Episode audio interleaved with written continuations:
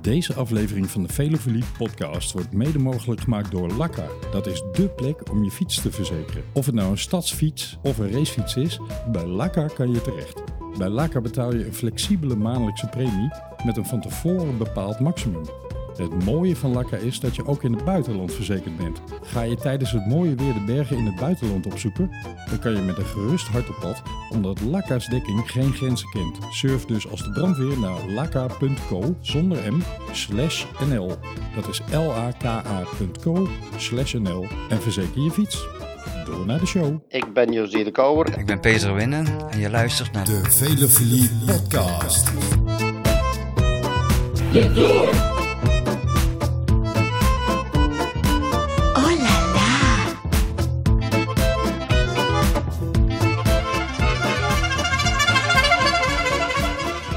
Vanuit Fantastisch. België, groeten Josie de Kouwer. Bonsoir, bonjour, amis de velocipede. Goedemorgen, middag en avond, beste vrienden en vriendinnen. Welkom bij weer een nieuwe Velofilie podcast. En vandaag hebben we een nieuw geluid. Een nieuwe lente, een nieuw geluid. Nee, we zitten volop in de zomer. We gaan het namelijk hebben over de Tour. En dat doe ik niet alleen, dat doe ik met onze vaste co-host Wesley.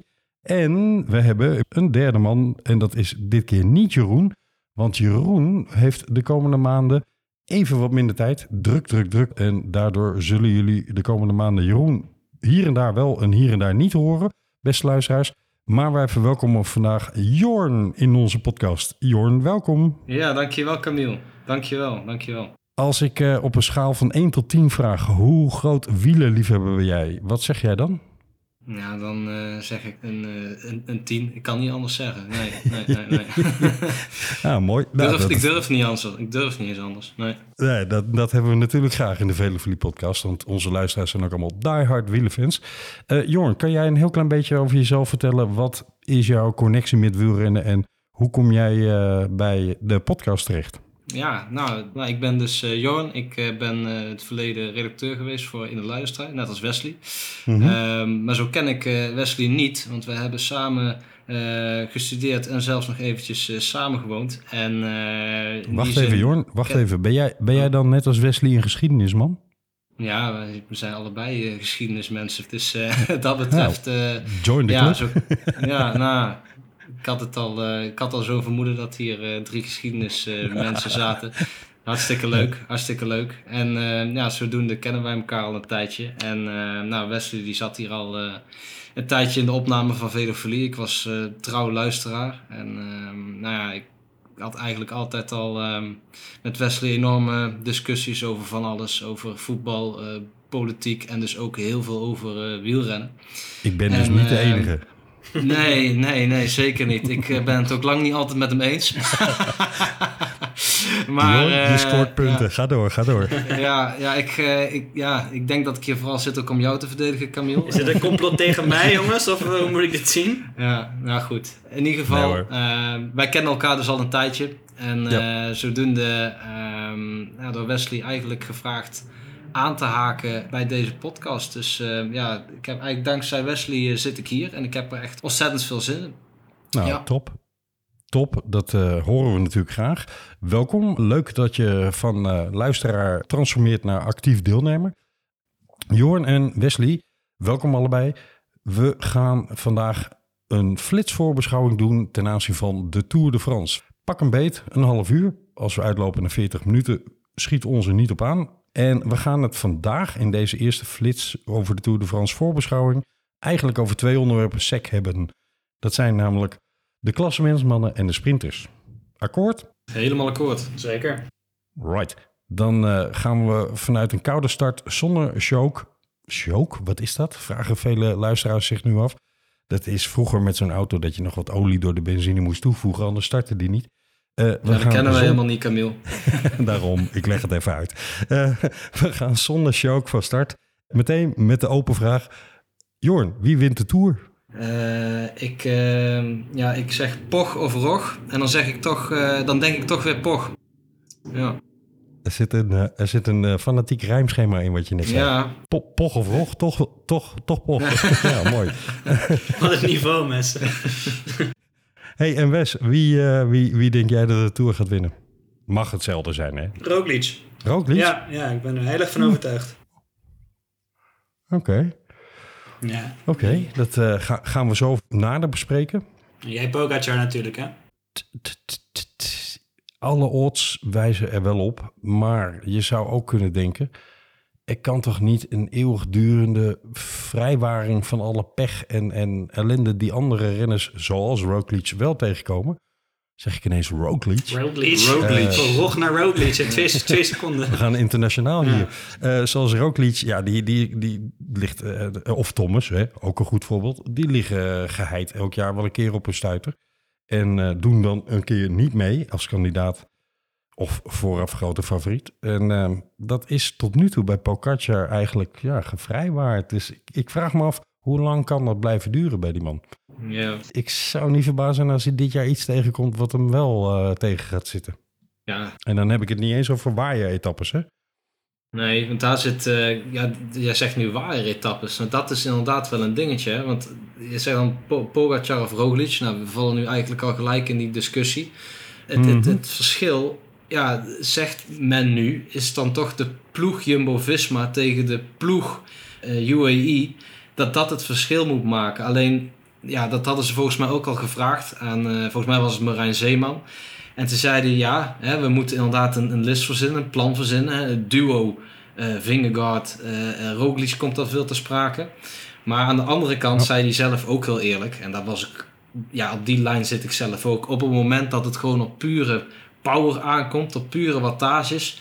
En Pogacar die heeft weer zijn, ja, zijn, zijn, zijn, zijn, De tourbenen ondergeschoven. zijn tourbenen, dankjewel Wesley. Gewoon echt de, de, de, de pure Pogacar zoals we hem kennen. Dat, dat beest dat al twee keer die Tour heeft gewonnen. Ja, dan is er misschien zelfs met een, een, een dreamteam als Jumbo-Visma weinig aan te doen. En dan denk ik wel, ja, dan, dan zit er inderdaad die, die, die pechfactor misschien in. Die ook misschien Pogacar, Pogacar een keer kan tegenkomen. Maar ja, aan de andere kant... Hij zit ook gewoon heel erg stevig op zijn fiets. Hè? Hij, hij, hij is ook een technisch zeer begaafde renner. Hij wordt niet voor niks, eh, eh, eh, wint hij bijna de Ronde van Vlaanderen. Dus, Maar ik vind, Ja. nu, ik vind wel dat je, dat je Roglic nu een beetje onderschat. ja, is dat zo? Ja, want de, de eerste Tour die Pogacar wint... Voor de tijdrit stond Roglic anderhalve minuut voor. En dat is alleen in de bergen opgebouwd, toch? Ja, in de weienrit. Hmm, ja, dus ja. in de bergen heb ik Pogacar... Nou, wacht even, wacht even, Wes. Roglic pakte toen 1 minuut 30 zoiets in die waaieretappe. En eh, de dag erna nam Pogacar er volgens mij 41 van terug, zoiets ja, het. precies. Dus En ja, daarna zat- liep, daarna zat liep wat Roglic weer bij. ja. ja, ja, Ja, ja, klopt. ja. Dus ja, ik, ik heb Pogacar Roglic eigenlijk nog nooit echt zien lossen in de bergen. Ja, Ja, maar ik heb Roglic wel... Mm, ja. Pogacar, Roglic. Ja, maar, nee. maar, maar Ro- Roglic is toch wel vaker in zo'n van die hoogberg, hooggebergte etappes toch wel vaker gelost. Dus dat zou toch ook niet zo... Als ik dan kijk naar het tourschema, het hooggebergte, ja... Ik, ik denk dat, dat Pogacar Roglic daar best wel eens klop zou kunnen geven. Ook kijkend naar... op basis, Eh, van, basis van wat? Ik heb, ik nou, heb- op basis van Roglic, eerder ook in Vuelta's en dergelijke, die wint hij dan uiteindelijk wel. Maar dat was ook kantje boord hè, tegen Carapaz. Ik denk dat in, zo'n, in dat hooggebergte zou, zou Pogacar het verschil moeten maken. Maar aan de andere kant, ja, eh Jumbo-Visma zal, zal eens een list moeten verzinnen. Nou, het woord waaiers zijn net al gevallen.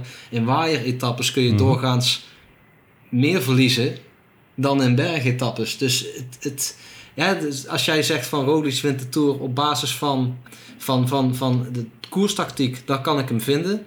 Op basis van Roglic is nog nooit een Pogacar gelost. Ja, dat... Ja, dat, dat, ik het is wel vind- waar. Het is misschien wel waar, maar toch denk ik... Dat is belangrijk. Ja, toch, toch denk ik dat dat niet... eh, ja, toch denk ik dat Pogacar sterker is. Ja, dat denk ik echt.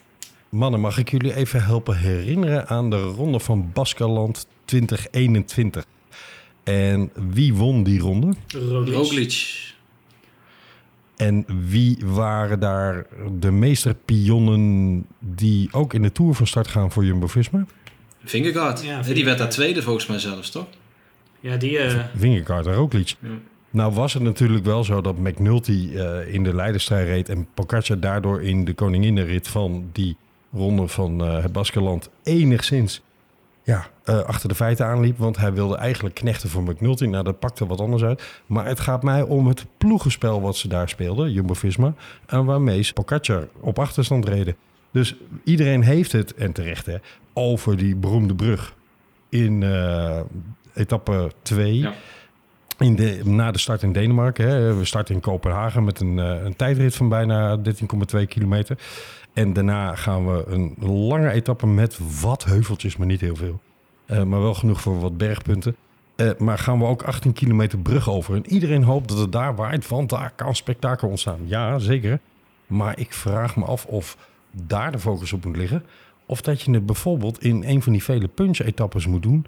Waar ja, de ploeg nou juist het spel uitstekend zou kunnen spelen.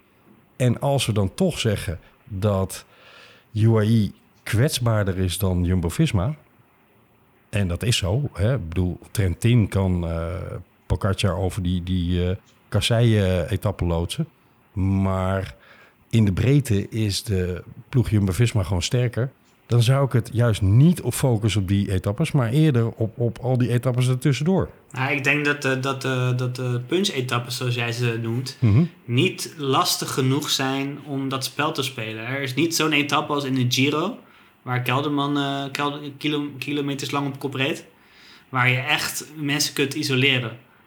Ik denk niet dat dat in de, huid- in de komende Tour het geval is. Het is wel een etappe en dan twee, drie heuveltjes op het einde.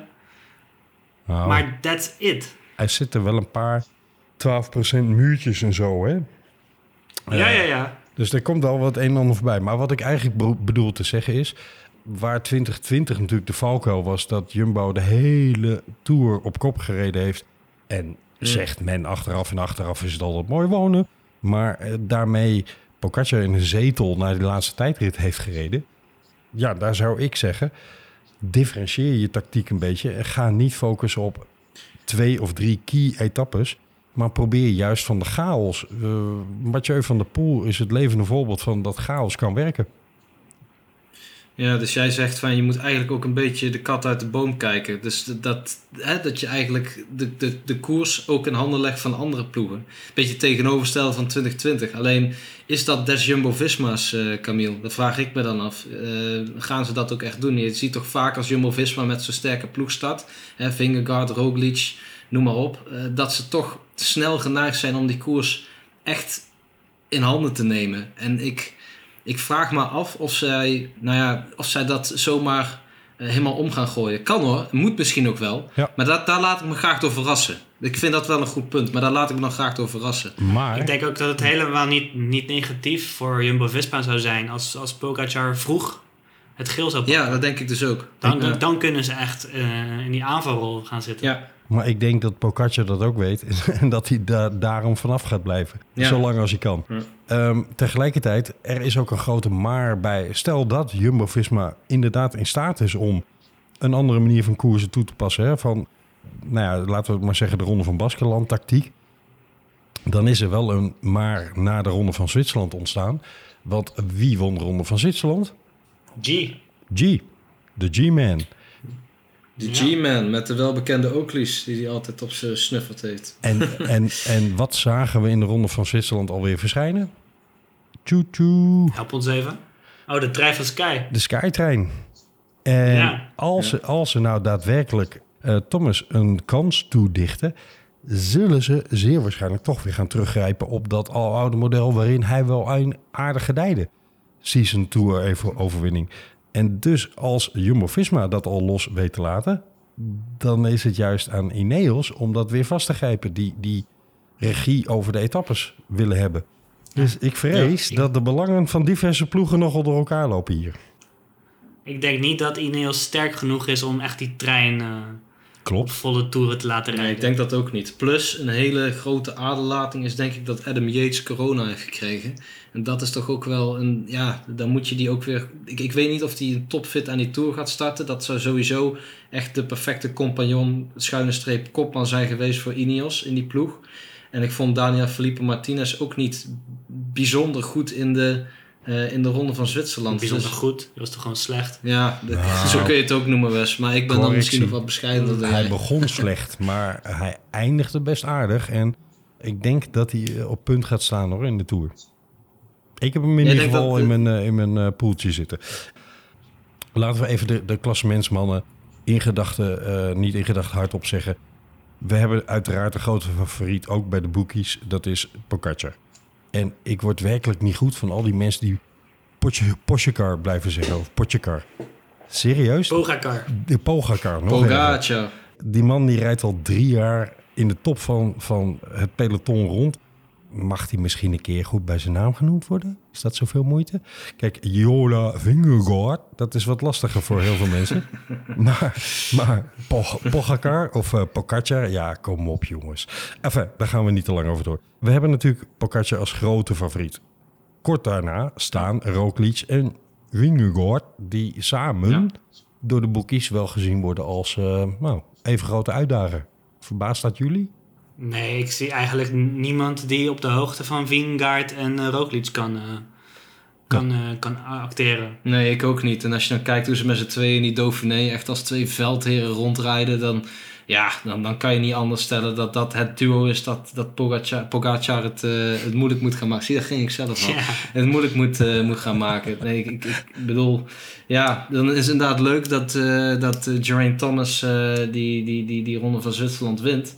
Maar ga, je, ga jij die dan op gelijke hoogte stellen met, met Vingegaard en, en, en, en, en eh, Roglic?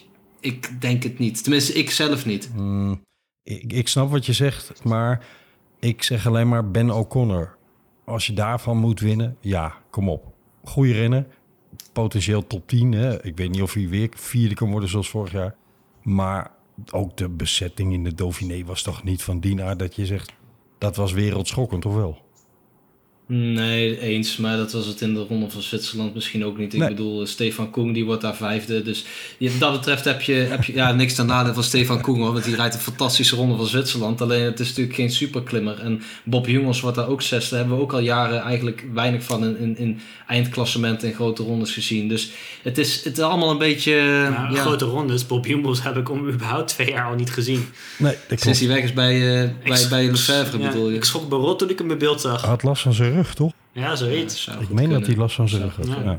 Maar Enfin, maar het, hetzelfde verhaal kunnen we op eh, doen eh, laten gaan voor eh, de ronde van Slovenië. Hè. Eh, Exact, Ook, ook ja. niet een toppensetting. Dus met andere woorden, de indicatie die we normaal gesproken enigszins halen uit de ronde van eh, Zwitserland of de Dauphiné. Ja, dat zegt dit jaar mij in ieder geval wat minder. Zeker omdat er nog een andere storm overheen woei. Zeker in Zwitserland. En dat was een storm genaamd corona. Laten we naast deze drie genoemde, dus Pogacar, Roglic en Vingegaard... eens even kijken wie er van tevoren allemaal gedacht waren uitdagers te kunnen zijn. Vlaasov, corona. Ja, ja, ja, Ja, ja. allebei volmondig ja hier. Ja. Eh, Ja, jullie misschien iets minder, ik wel. Daniel Felipe Martinez. Nee, ik denk Da- niet dat hij goed genoeg Nee, ik, is ik, ik, ik wil het een beetje afzwakken, Camille. Kijk, ik ben groot fan van eh, Daniel Felipe Martinez. Zeker toen met, eh, met Bernal in de, in, de, in de Giro, dat hij hem zo aanmoedigde. Ik, echt een geweldige klasbak. Maar ehm, ja, ik, ik ben gewoon enorm in, in twijfel geraakt door die, die, die ronde van Zwitserland. Ik dacht namelijk zelf dat hij die ging winnen. Dat, daar vond ik hem echt topfavoriet. En hij, hij won daar niet. Zijn ploeggenoot wint, dus misschien is het onder van het spel. Mhm. Maar ik, ik, ik heb daar gewoon enorme twijfels bij. Ik hoop het zelf, want ik vind het nogmaals een hele mooie coureur. Maar ja, ik, nee, ik, ik zeg het is een nee voor mij. Eh, ik weet niet hoe jij zegt, Wesley, maar Nou ja, voor mij is het ook een, een nee. Hij heeft het eigenlijk in een grote ronde nog niet echt bewezen. Dat hij op het niveau van Pogacar Roglic kan acteren. Vijfde als knecht, hè? In de Giro. Jawel, maar, ja, eens. Maar Ja. ja. En ik, ik maar draai toch hem om, niet hè? zo overtuigend. Ik draai hem om. Precies wat George zegt, omgekeerd. In 2020 volgens mij won hij de Dauphiné. Was hij in topvorm in de Dauphiné. Had ik hem dus opgenomen voor de Tour, was hij eigenlijk helemaal nergens. Wat weet hij? 28ste? Iets in de trant. Won hij wel een rit, ja Won- toch? Ja, Won hij wel een rit, 2020, maar hè? dat, dat was Ja. dat, En een mooi ook. Tegen Kemna Ja. toch was Ja, dat? ja. fantastische etappe. een fantastisch duel, absoluut. Eh Kemna die weer terugkwam hè, en, en, en, en nog eens ging aanvallen en zo. Eh, Ja. mooie, mooie rit, maar zeker niet het klassement wat na de Dauphiné gehoopt was. Ik had een beetje een voelzang gevoel daarover. Maar laat hij dat nou dit jaar in zijn planning eens anders aanpakken en dus later pieken. Nou, schrijf ik hem op hoor. Ja, Maar dat, goed. nee, dat zou kunnen. En dat, dat- Ik laat me graag verrassen. Maar we, over Vlaasov gingen we wel heel snel heen. Ja, dat, eh, vind daar ik, was ik ook nog niet klaar mee. nee, die vond ik dit seizoen, vind ik dit seizoen echt heel sterk. Ja. Als er iemand in de buurt van Roglic, Vingegaard en Pogacar gaat komen, dan is het Vlaasov, denk Ja, ik. ja, Eens? eens. En Ook heel explosief. Maar hebben jullie al iets gelezen Snel. of gehoord over wat zijn conditie is? Hoe dat met die COVID van hem zit? Nee. Nee, en dat, eh, daar heb je gelijk een heel goed punt, Camille. Ik denk dat we dat zeker niet moeten onderschatten. Ik benoemde net al Adam Yates. Ja. Eh, en datzelfde geldt eigenlijk voor Vlasov. Hè. Dus corona is een... een zon, ja, ik heb geen medische achtergrond, dus ik ga daar ook niet te, te ver over vertellen... omdat ik er simpelweg te weinig van af weet. Maar ik heb het ook zelf twee keer gehad. En het is een enorme... Voor, voor, voor sporters is dat gewoon een enorme klap. En ik... ik ja, ik, heb daar gelijk, ik zet daar gelijk vraagtekens bij. Dus zo vlak voor de Tour corona krijgen... Ja, ik geef het je te doen. Ja. Het kan in ieder geval nooit goed zijn. Of hij daar Nee. overheen kan komen is punt 2. Maar ja, je kunt niet spreken van een ideale voorbereiding. En je kunt wel zeggen Zeker niet. dat Vlaasov een bijna ideale voorbereiding nodig heeft... om op het niveau van de Slovenen en Vingegaard te komen. Wie hebben we nog meer als uitdagers, Maar, jongens? maar dat heeft iedereen. Ja, klopt. maar noem, noem eens iemand dan die onder iedereen valt. Thomas hebben we het al over gehad. Eh, ja, Mas. Nou, wacht even. Laten we toch even Thomas pakken. Als Geraint terug is op, op een beetje van het niveau wat hij 2018, hm, misschien 2020 Giro had. Als Thomas op dat niveau terug is. Ja, we hebben wel 40 kilometer tijdrit op de ene laatste dag. Hè? Ja. Maar daar gaat hij geen tijd pakken Roglic en Pogacar. Nou, Pogacar op een tijdrit van 20 kilometer. Allah, op een tijdrit van 40 kilometer weet ik het nog niet. Ik heb daar ook wel twijfels bij, Wes. Eh, Dat Pogacar zo'n... Kijk, Pogacar is natuurlijk sterk en echt van die... Ja, van die, van die beesten tijdritten, weet je wel. Die echt omhoog... Nou, dat zeg ik verkeerd. Van die, van die tijdritten waar het echt glooiend is. En Ja. het liefst dus nog met een aankomstberg op. Nou, de, de, Planche d'Orfie hoef ik hier niet te benoemen. Maar zo'n vlak... Ja, ik, ik heb eerlijk gezegd, die tijdrit heb ik nog niet zo goed Nou, die, verkend. die golft maar dus wel een beetje. Die golft wel een beetje, Ja. maar eindigt die ook Ja, die eindigt op een eh, klein wipje. Ja, Ja. Dan, eh, dan, dan is dat wel wel echt het voordeel van, Po- van Pogacar. Ik denk Ja. niet dat, eh, ja, dat Thomas hem dan echt naar huis rijdt. Nee. Nee, oké, ik heb niet gezegd naar huis rijden. Hè, maar als hij kan mee blijven doen in het Hooggebergte, wat natuurlijk zeer de vraag is, maar als, ja, dan is hij niet kansloos door die tijdrit. Dat bedoel ik er maar mee te zeggen. Maar goed, voorlopig zie ik hem niet als... eh, ik zie hem als een eventuele podiumkandidaat, maar niet per se als winnaar. Laat ik het zo benoemen. Wie zien jullie eventueel in de top 5 nog verschijnen? Nou, ik wilde zeggen Erik Mas, alleen die heeft ook een gigantisch slechte Dauphiné erop zitten. Ja. En die is geen één keer in de top 20 gekomen van een etappe, geloof ik. En vervolgens heeft hij ook nog opgegeven. Dus ik weet niet hoe het daar, daarmee Ja, staat. mag, mag ik hier een naam laten vallen? Zeker. Oké. Duidelijk, weet ik weer gelijk waar ik sta als nieuweling. Ik ga, ik ga even een verrassende naam zeggen. Eh Thibaut Pinot. Die Ja. gaat voor de bolletjes draaien. Ja, die gaat, die gaat niet voor een klassement, zegt hij zelf. Nee. Dat is dan weer jammer, want dat, ik hoop dat dan bluffen is. Want ik vind hem dit jaar beter rijden dan, eh, dan een hele lange tijd geleden. En als we het dan over top 5 hebben, hè, laat ik dan heel, veilig zeggen, een vijfde plek of zo. Ja, dat zie ik hem, dat, dat, dat zou me dan niet verbazen. Snap je? Aan de hand van zijn, zijn, zijn toch wel een beetje comeback die, die, die je de laatste tijd ziet bij Pinot. Het, ik, ja, ik zie dat hem nog wel doen. Maar ja, nogmaals, als jullie zeggen hij gaat echt voor de, voor de bolletrui en hij laat het klassement voor wat het is, wat ik trouwens heel goed kan begrijpen in zijn, in zijn rol, ja, dan, dan niet. Maar ja, het zou toch geweldig zijn als, als Thibaut Pinot weer hè, met, die, met, die, met die beste jongens uit het peloton, met die, met die sterke gasten, mee kan. Ja, Dat wil je toch zien? Hij heeft ook een snel, een snel eindschot. Ja, Niveau de 18e etappe weer 2019, zeg opgeven. maar. Ja. Ja, precies. Ja, Wesley noemt het al inderdaad. Van, en dan weer eh, ergens eh, in, de, in de derde week moeten opgeven. door Ja. Een of andere vage blessure die nog nooit een wielrenner heeft gehad. Ja. Ja, maar dat is echt zo. 26 Ja. minuten in beeld gebracht door de Franse regie. Ja, Ja, ja, een soort, eh, ja, als het een Griek was geweest, als een soort, soort epos geweest. Weet je wel? Zo'n zo'n Nou, Griekse eerder, tragedie. eerder een ja. drama dan. Nee, ja, precies. ja, precies, dat bedoel ik. Sorry. tragicomedie Ja. voor de rest van de wereld, maar oké. Nee, eh, Thibaut Pinot gaat voor de bolletrui. Dat heeft hij tenminste zelf aangekondigd. En ik neem aan dat dat niet een soort van bluff is. Wat, Nee, dan waar ik dat gelijk, misschien ja. nog wel inschat. En ik was eerlijk gezegd devastated toen hij uit de Giro wegviel, uh, Romain Bardet. Want die had wel een lekker niveau in de Giro hoor. En het zou mij niet verbazen als die alle druk van zich af probeert te hebben door te zeggen, hey, ik ga voor etappes. Ik ga niet voor een klassement. Maar heeft hij het gezegd al? Ja. Heeft, ik heb het niet kunnen Ja, vinden. dat heeft hij gezegd. Heeft hij gezegd. Ja. Maar ik hoop dat dat de underdog-rol op zich nemen is. Dat Nou, zou jullie, hebben mooi natuurlijk, eh, ja, jullie hebben het natuurlijk uitgebreid over de Giro gehad eh, de afgelopen eh, weken. En mijn grootste teleurstelling, waar ik nog steeds niet helemaal overheen ben, is dat Romain Bardet uitviel Ja. in de Giro. Die had echt, dat, dat, daar ben ik 100% van overtuigd, die had daar Hindley en Carapaz het nog heel lastig gemaakt. Ook Absoluut. omdat hij ook goed was in de tijdrit. Ja. Dus ik, ik sta helemaal aan jouw kant, Camille. Van als er ook maar een paar procent is in Roma Bardet die denkt: Weet je wat, ik ga het toch proberen. Nou, dan moedig ik die paar procent heel erg aan. En dan hoop ik dat Bardet er gewoon echt voor gaat. Want hij, is, hij zat op een niveau dat was echt, echt heel goed. Echt Ja. heel sterk. En DSM moet, kan de puntjes ook wel gebruiken van een algemeen klassement. hè? ja, Ook dat, dat. ook. Ook dat. Ik, ik Ja. hoop dat hij een beetje een bouke van een paar jaar geleden gaat doen. Hè? Dus eh, stiekem aan blijven klampen. En pas als het echt Ja. een keer helemaal misgaat, dan op etappes gaan focussen. Maar goed, Zullen wij we gewoon hier beslissen dat die voor het klassement gaat? Ja. Maar, maar dan mag hij ook een etappe winnen van Ja, mij. mag ja, ook, mag ja. ook een etappe winnen. Ja. Want dat verdient hij dan ook wel. Of hij mag een etappe winnen en dan besluiten dat hij voor de rest van het klassement doorgaat. Ja, dat mag ook. Dat hij er ineens zo goed voor staat. Ehm, Gewoon een Rasmussen. Dat mag niet zeggen voor jou, hè, Camille? Nou, nee, dat klopt. Dus die knippen we eruit. Nee hoor. Ehm, we hebben een, een aantal eh, zeer outsiders genoemd. Wil een van jullie nog ehm, een gewaagde naam poneren voor de top 10? Ben O'Connor. Of een McCarthy.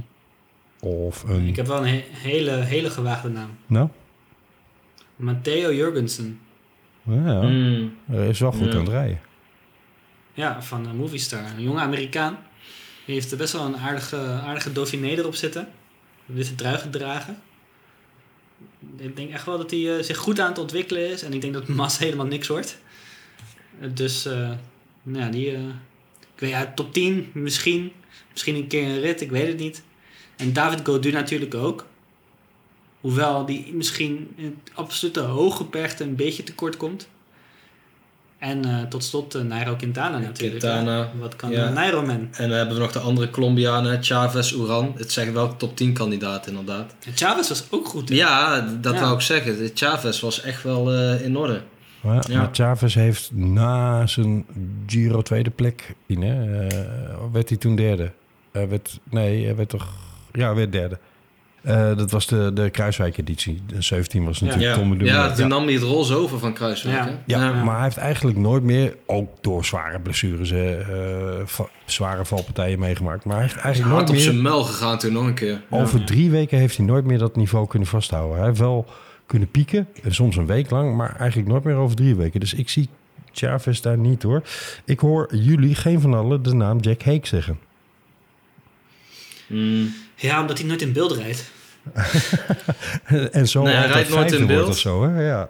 Ja, Maar ik vind, ik vind wel dat we het inderdaad over die Bahrein-ploeg... Daar kunnen we het wel even over hebben. Want daar zitten... goede ploeg. De goede ploeg, ja. Die, daar is nog weinig van bekend. Maar jij zegt dan Jack Hey Camille. En Caruso. Damiano Caruso Ja. en Gino Meder rijden daar ook. Ja. Gino Meder is voor mij een beetje een vraagteken met betrekking tot het algemeen klassement. Zou wel gewoon een top 20 kunnen rijden. Is natuurlijk een sterke coureur. Maar heeft, Volgens hij, mij het- heeft hij ook geen geen- COVID? Dacht het, hè? Wie niet? Ja, nou, nou begin je maar aan twijfelen te brengen. Camille bij iedere naam die ik opnoem.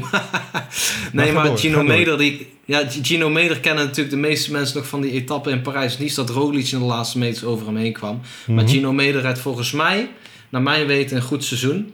En eh reed vooral in eh, Rom- Romandie, werd hij bijvoorbeeld tweede. Dus dat is ook wel, eh, wel noemenswaardig. En eh, Damiano Caruso, die rijdt daar ook. Dus combineer dat met een Moritz en een Teuns. En je hebt een ontzettend sterke ploeg. Dus die zouden als collectief ook nog wel wat kunnen doen. En dan, dan blijft er vanzelf wel iets hoog in het klassement hangen, lijkt mij. Toch? Ja. Als je die namen zo ziet Jawel. op papier. Eens. Zeker. Ik- En dan nog één, een Portugees. Mag jij raden wie, Camille? Een Portugees? Jeetje. Ik Ru- zit, er- ik zit er- Ruben Guerrero.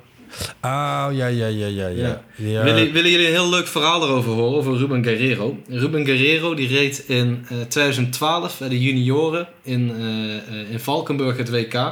En ik stond daar met mijn vader langs de kant. En wij stonden in de bocht van de Bemelerberg. En Ruben Guerrero, die gaat, en niet weet dat dat Ruben Guerrero was hoor, die gaat daar ontzettend hard op zijn muil.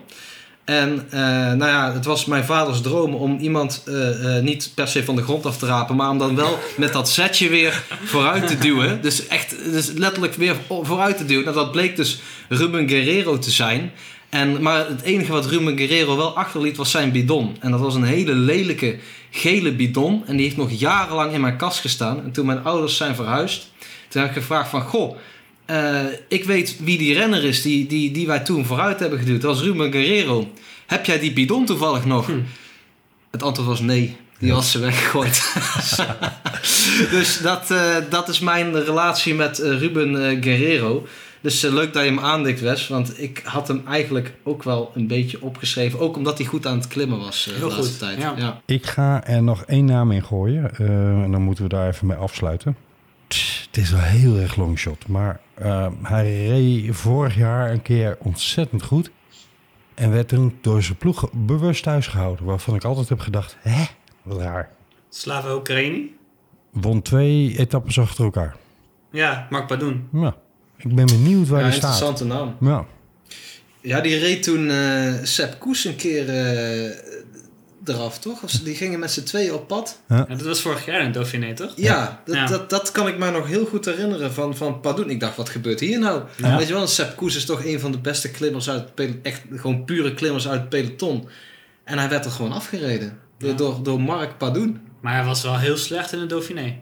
Ja, daarom. Maar dus ik ben heel maar doen, benieuwd ja. waar die staat. Maar we gaan Ja. het zien. Hey, ehm, los van dat ik denk dat Kruiswijk zich op, eh, de, op de West gaat eh, storten en ehm, daar hoopt te zegevieren, denk ik dat we even moeten afsluiten met de klassementsmannen voor zover. Mannen, voor nu dank jullie wel. Ik hoop dat de luisteraars hebben genoten. Hoe vond je het, je debuut? Ja, dat is hartstikke leuk. Ik hoop dat ik nog een keer terug mag komen. Nee, Publiekswissel sorry. Ja, Ja. Dat is klaar. Sorry luisteraars, dit was mijn eerste en mijn laatste keer. Dan, eh, nee hoor. Eenmalig mag international. Staat mooi op je cv. Ja. Eh, Ja, Martijn Meerdink. Ja, Dat is Jens Toornstra. Je bent van harte welkom, Jorn. Ik vond het eh, leuk dat je erbij was. En eh, ja, dank voor eh, je wielenkennis, eh, Wesley. graag gedaan. Maar we komen in de Tour ongetwijfeld weer met jou in de lucht. Zullen we dat afspreken? Spreken we helemaal af. Helemaal top. Voor nu, grazie mille. Al moeten we dat eigenlijk nu op zijn Frans gaan doen natuurlijk. Merci beaucoup. Au revoir. Arrivederci. Bonsoir. Bonne nuit.